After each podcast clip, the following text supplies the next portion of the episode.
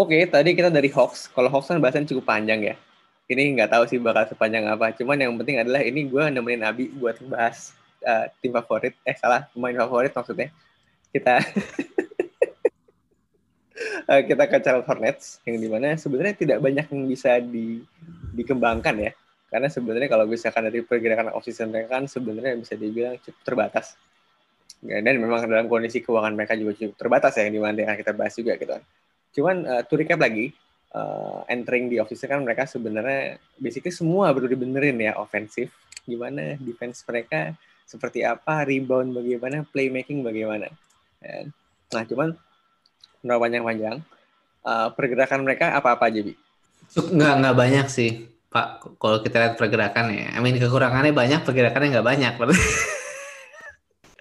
kita tahu di situ berarti akan ada gap nanti. Jadi mana yeah. mereka mungkin we, we won't expect them to contend in this year. But basically what they did, the headlining move was ada dua. Yang pertama mereka nge-sign, uh, sorry, dari draft dulu. Mereka nge-draft Lamelo Ball. No, again catatan ini bukan pemain favorit gue. Gue suka sama Lamelo Ball. Jadi please. Gue gue gue gak ngomong apa-apa loh. Kan bisa jadi yeah. pemain yang lainnya gitu. Dah, Tapi kenapa dah, harus spesifik?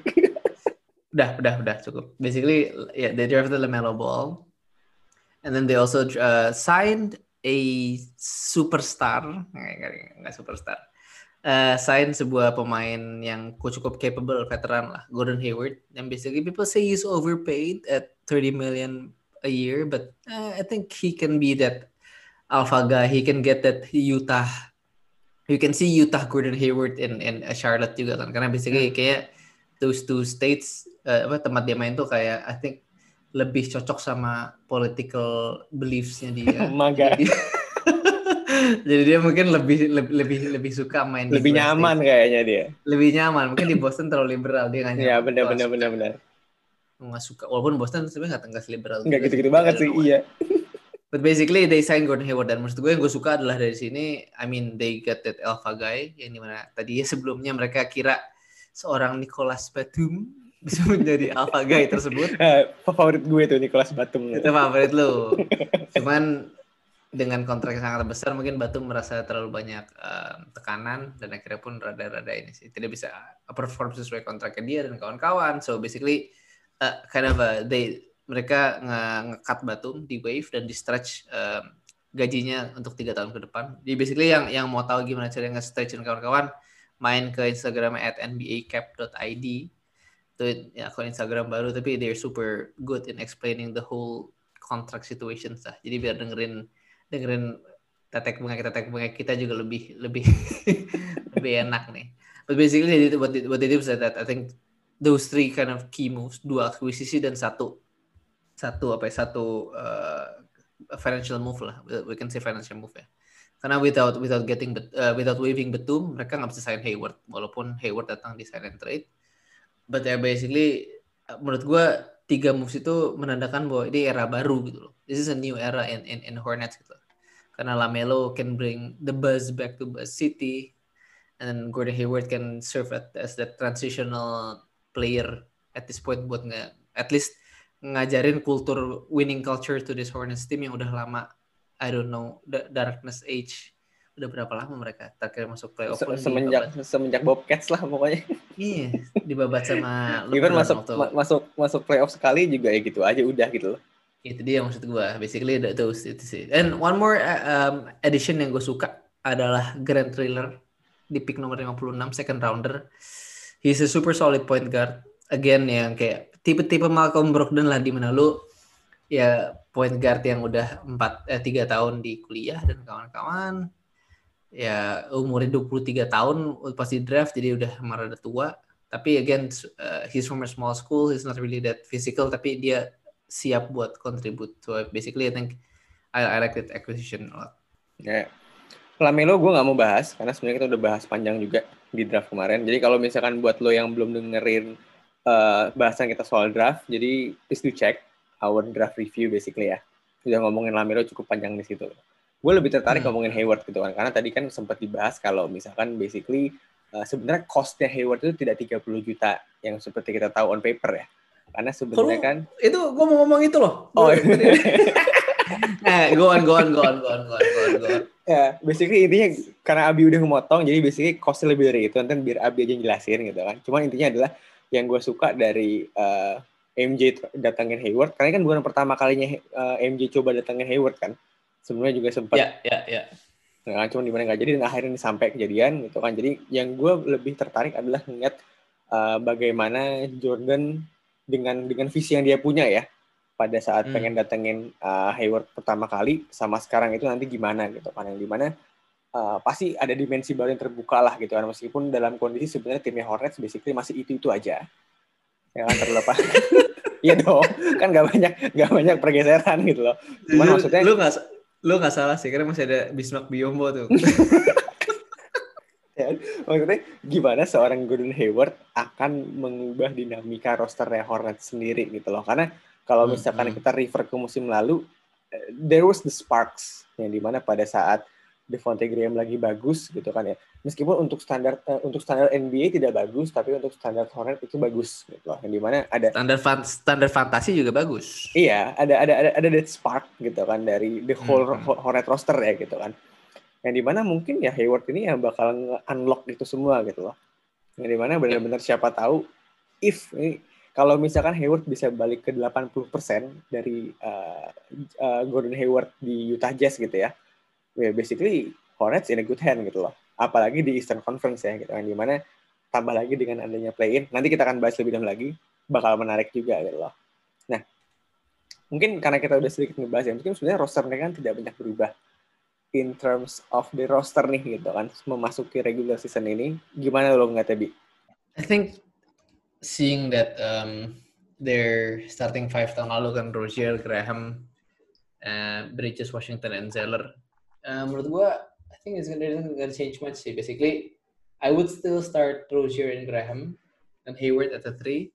Cuman permasalahan sekarang gimana cara gue harus pilih uh, siapa yang gue start inter Michael Michael, uh, Michael Bridges atau uh, Miles Bridges sorry atau PJ Washington karena di limanya pasti Zeller yang start kan. But basically, I think that's gonna be the starting rotation, eh, starting lineup. But rotation wise, mungkin menurut gue ya PJ Washington akan mungkin bisa lebih banyak main di lima nanti. Jadi basically, you're gonna see a lot of um, either Roger Graham, Hayward, Bridges, Washington, atau Lamelo, Roger, Hayward, uh, Bridges, Washington, atau Roger tuker tuker Graham gitu. Hmm. Karena ini gue bilang um, kalau misalnya lu mau main kayak slowly but sure dengan steady ya, you can actually roll out that Rozier, Graham, Hayward, uh, Bridges, sama Zeller. Dan menurut gue itu benar-benar kayak defensively you're good at at to a certain degree ya. Dan uh, yang menarik adalah Hayward bisa jadi main ball handler karena Rozier sama Graham itu off ballnya bagus banget spot up shootingnya. I think around 30 37% ish both combined in terms of uh, spot up shooting uh, point percentage menurut gue kalau lu punya Hayward sebagai decision maker yang udah pernah membuktikan dirinya di Utah bisa jadi seorang ball handler playmaker di posisi small forward itu bisa unlock lah many things menurut gue akan elevate that offense dari yang tadinya buruk-buruk buruk seburuk-buruknya buruk bottom three jadi buruk aja jadi buruk tadinya bintang bintang satu jadi bintang dua setengah kirain satu setengah nggak lah kita harus we have, we have to give we have to give uh, credit to Gordon Hayward juga sih. Dan basically hmm. yang Hayward berikan yang paling penting adalah a bit of fresh touch ke rotasinya Hornets gitu. Karena Hayward menurut gue orang yang paling keren di NBA, paling klimis. Dan di roster yang tadinya orang paling klimis lu adalah Cody and Caleb Martin, ya inilah sebuah improvement gitu loh. People will actually tune in to the Hornets to see Gordon Hayward play man crush. dan basically ya, rotation wise lah. Dan basically kalau itu tadi kalau lu mau ini ya, kalau lu mau go slow atau go half court offense. Tapi kalau misalnya hmm. mau pump change of pace, you have Lamelo. Dia transition demon is gonna be like Lonzo dan kawan-kawan. So basic eh that, kayak Lonzo di awal-awal ini ya Lakers kan. Bahkan hmm. lebih bagus lagi mungkin. But I think ya kayak I think these two additions menurut gue akan jadi ini banget sih akan can seamlessly fit lah dan Borrego I mean he's gonna have a good problem in his hands sih untuk milih siapa yang akan main nanti. Yeah. Sebenarnya nggak nggak gitu banyak yang bisa dibahas secara mendalam ya. Cuman uh, biggest takeaway dari dengan datangnya Hayward sama Lamelo to Hornets roster yang gue lihat adalah lu jadi punya dua pemain yang bisa lu jadikan focal point di offense yang mana pun ya. Hmm. Karena seperti yang kita sudah lihat di season sebelumnya gitu ya, ketika focal point dari offense lo adalah Terry Rozier, ya things will not go well. Ya, seperti itu udah udah udah konkret banget gitu loh. Karena maksudnya uh, kalau misalnya kita membawa sejarah sedikit, bahkan uh, kepindahannya Rozier dari uh, Celtics ke Hornets pun dipertanyakan kan. Maksudnya adalah he has to fill uh, Kemba shoe gitu kan, yang di mana bisa dibilang udah udah jelas banget bahwa Kemba ke Boston itu upgrade sementara Rozier ke Hornets itu downgrade gitu kan yang di mana dan di mana tambah lagi ini kayaknya udah kedua atau tiga kali gue bilang gitu ya dia datang dengan tag harusnya dia adalah number one point guard number one guard even gitu kan dia bahkan masih kalah sama Devontae Graham hmm, hmm, hmm. Ya, yang di mana menurut gue pribadi dengan datangnya Lamelo akan sedikit apa ya beban moral berkurang kali ya yang di mana nggak nggak sorry beban moral tidak berkurang, malah bertambah gitu kan. Tapi dari sisi permainan uh, tanggung jawab lu berkurang gitu. Karena ceilingnya udah jelas jauh uh, Lamelo di atas Rozier ya. Dan yeah. rasanya Rozier can feel that uh, six man slot lagi seperti bagaimana dia thrives kemarin di Boston for a while gitu kan. Jadi tapi tetap bakal menarik gitu gimana cara nanti Borrego bakal fit in that three guard combo dan tambah lagi lu masih punya Malik Monk. Hah? yeah, I mean, I mean, all credit to Malik Bang, but I don't really see him having a future sih. Karena I think ya nanti kita bakal bahas in terms of kayak long term, they have to mm-hmm. actually choose between Graham and Malik Monk. Yep, yep. And I think in today's game, I think Graham would have more value. But yeah, let's talk about that later. But basically rotation wise, yeah, you're right, you're right. Borrego is gonna have a good problem. Yes. Untuk, untuk tim, tim, tim muda ya, untuk tim muda yang ekspektasinya belum sebanyak itu. Ya, dan, dan bahkan rasanya nggak ada ekspektasi deh. Maksudnya, it's really hard to uh, do worse dari mereka season lalu karena tanpa ngebahas Lamelo ya, karena menurut gue Lamelo sendiri mengelevate uh, ofensif dari sisi guard ya. Dan tambah lagi ada Hayward juga ya, basically Hayward itu bisa dibilang kan ini, ada yang menaikkan floor, ada floor raiser, atau ceiling raiser kan. Gue pribadi menganggap Hayward itu sebagai ceiling raiser yang di mana harusnya ya bisa bisa membawa Hornets lebih kompetitif lah. Mungkin kalau misalkan not necessarily bakal jadi tim yang menang terus, tapi at least kalah, kalahnya berdarah-darah gitu loh. Gak yang langsung kalah gitu. Ya, ya, ya, ya. You're right. And actually, this is one of the first time yang Hayward, kayak lu juga pernah ngomong deh kayak. Hayward di zaman Utah never actually played with kind of a pass first point guard. Yes. Ya kan? Dan maksud gue, I think this kayak, I mean, well Melo I would consider kind of a still as a as a atau siapa pun ya pokoknya basically um, dan ya itu karena dia gak pernah main sama uh, pass first point guard dia udah terbiasa banget untuk kayak take the ball in his hands and actually do some things dan menurut gue itu akan jadi kunci sih kayak tadinya lu nggak punya that that commando in in in in in, in the in, in the lineup gitu tapi sekarang in hmm. your kind of in your leading lineup lu punya that com offensive commander yang bisa take good decisions dan menurut gue dan gue juga menurut uh, ngeliat Hayward itu kangen dengan role kayak gitu karena di Boston kan he cannot be that alpha gitu kan with all yes. the movement and the emergence of Jason Tatum, Jalen Brown, and now he's back actually back in the spotlight in a team that's kind of struggling and all expectations set aside. He just wants to play how he is best at basketball gitu kayak handling the ball, making decisions. Dari zaman-zaman kuliah, dari zaman di Butler kan dia jadi that number one yeah. guy. Dan menurut gue dia kangen sih. Tapi gue sebenarnya juga menarik ngeliat bagaimana uh, even kalau misalnya ini possible apa enggak ya, maksudnya gimana caranya nanti Hayward dan Lamelo coexist. Karena gue di spektrum yang ngeliat bahwa dengan perkembangan fisiknya Hayward juga gitu ya, gue agak tertarik ngeliat dia main off the ball sebenarnya kan. Yang di mana kalau misalkan tadi lo bawa uh, Hayward udah lama tidak bermain seperti itu ya semenjak di Celtics gitu kan yang di mana dia harus pegang bola gue lebih menarik gimana nanti dia bakal uh, expand permainannya off the ball dengan adanya uh, point guard yang bisa dibilang visionnya paling bagus tuh certain degree malah kayaknya uh, point guard pas uh, pasar point guard paling bagus yang Hayward pernah main bareng kayaknya Lamelo nih sekarang gitu. Iya, iya, iya, iya. Ya. Yang di mana terlepas terlepas dari outputnya gimana, uh, bener-bener dimensi offense Hornets ini bener-bener udah kebuka lebar banget gitu kan. Dan dengan tanda kutip dengan pemain yang sama, roster yang sama, cuman nambah Hayward sama Lamelo doang gitu loh. Tapi ya, yeah, we know we, we still know that they're not gonna be that good. Tapi at least they're gonna be interestingly bad lah ya. yeah, interestingly bad ya. Yeah. And I think that also speaks the volume of kayak dengan itu bilang roster yang sama, tapi dengan nambah dua orang yang bisa megang bola, jadi ngebuka banget. Bener, gue suka banget. I think I like that statement, statement a lot sih. The yeah, importance dan, dan itu, of a playmaker in today's NBA. Ya, dan itu sebenarnya gue taking a dig at Terry Rozier sih. Ya, yeah, he's at, he's at best the sixth man atau kayak starting two guard atau kayak combo guard ya emang. Karena dia, I mean, defensively semangatnya bagus dan kawan-kawan, mm. he works his ass off. And he's actually a good uh, spot up three point shooter gitu. And basically ya, yeah, I think that's that's his role at this point. Oke oke oke, kita udah dapat gambaran rosternya gimana. Mungkin kita geser kali ya, maksudnya dengan dengan uh, roster yang udah ada. Meskipun sebenarnya tadi kita udah sedikit menyentuh ya. Maksudnya, what can we expect dari Hornets uh, di season ini, Bi? Um, expectation gue menurut gue ini sih. Uh, I think offensively again they'll improve yang they'll bilang. Defensively I think they'll they'll stay uh, sort of the same karena again mungkin nggak terlalu banyak ini. Cuman again I think uh, menurut gue lebih banyak pergerakan tuh dari segi ini sih, dari segi apa ya pergerakan dari segi competitiveness sih karena maksud gue dari segala metrik menurut gue they won't change much rebounding juga mereka belum punya that that, that dominant big.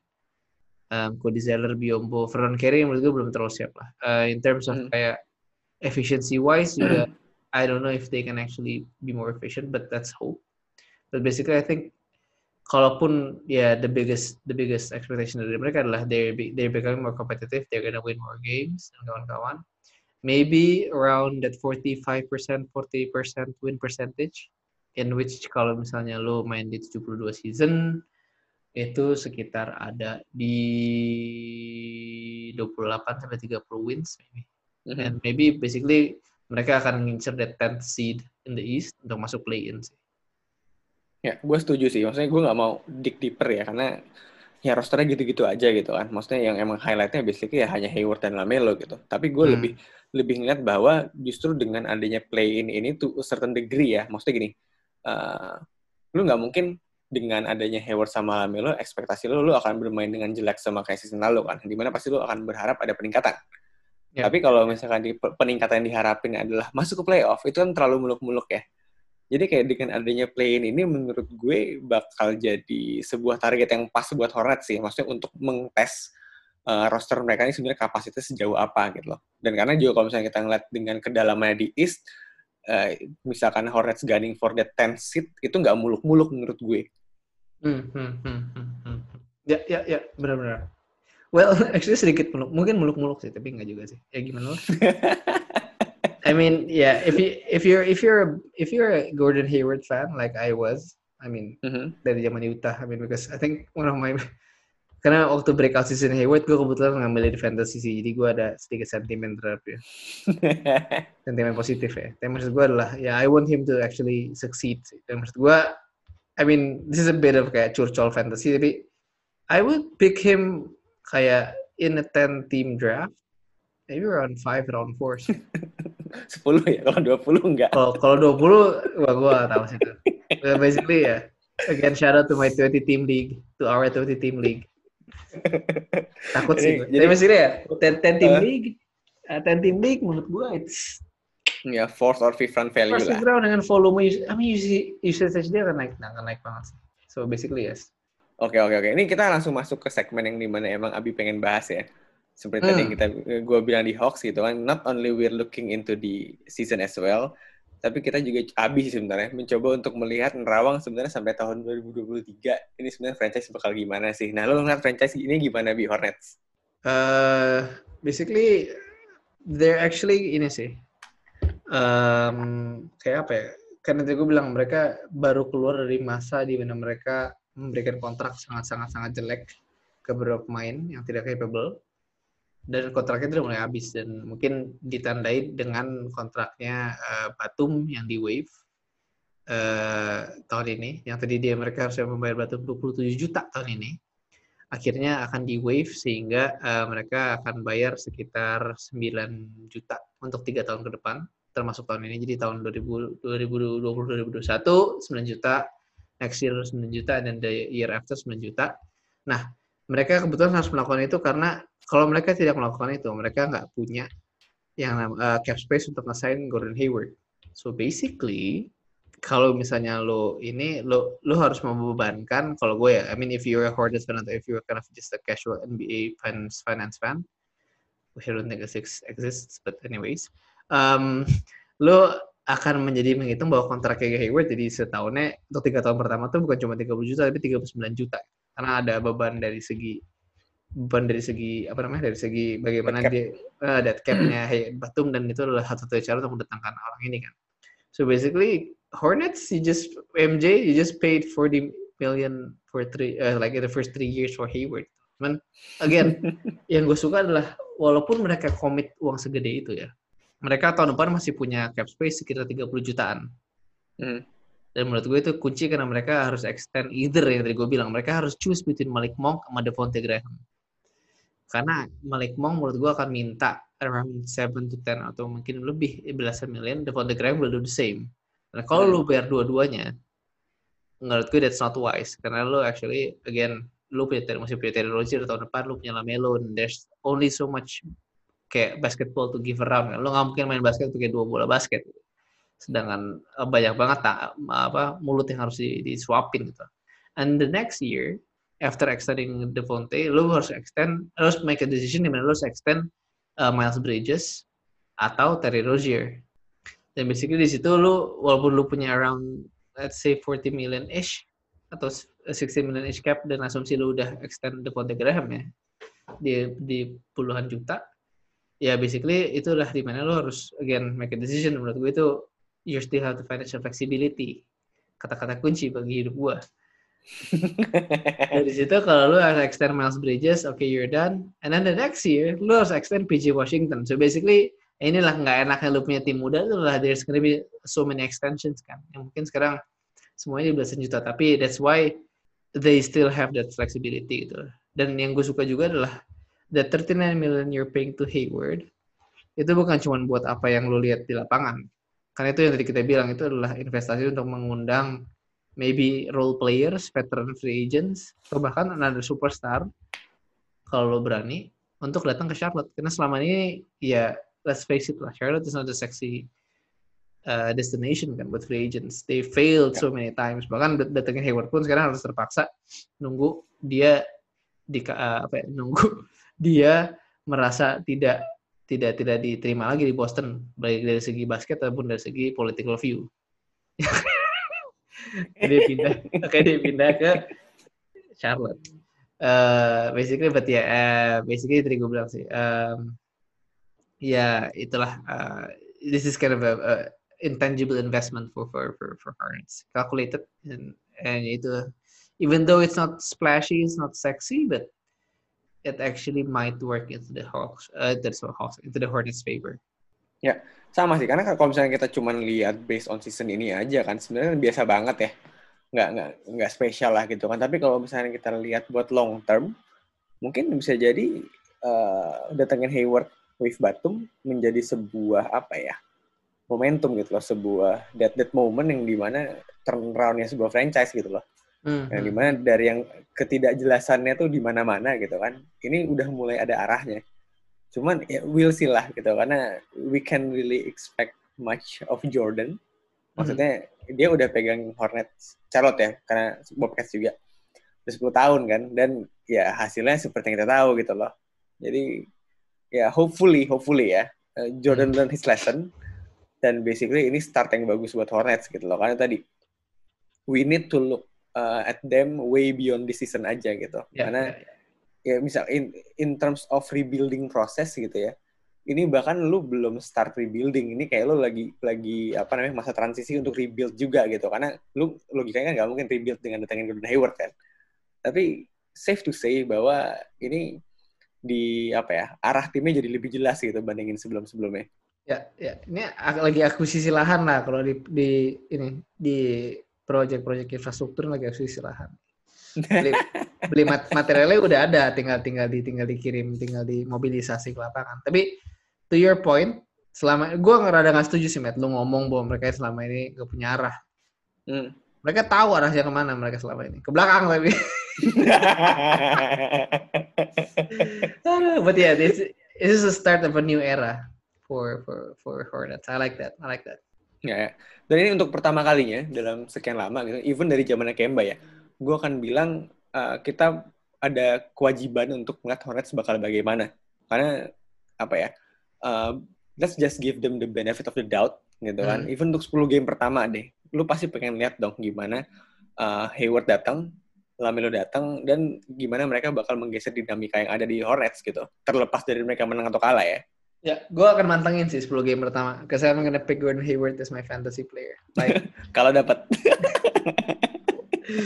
tolong tolong bagi yang seliga sama saya jadi ambil. Thanks. Eh, oke oke oke. Jadi buat Hornets itu aja kali ya. Ini sebenarnya cukup panjang ya ngomongin Hornets. Gue nggak expect sepanjang ini. Basically Cuman kita ngomongin abis... Gordon Hayward doang sih. Doang, bener bener bener. eh. Jadi kita geser aja ke finalis tahun lalu. Uh. Kita pindah ke Miami Heat. Miami.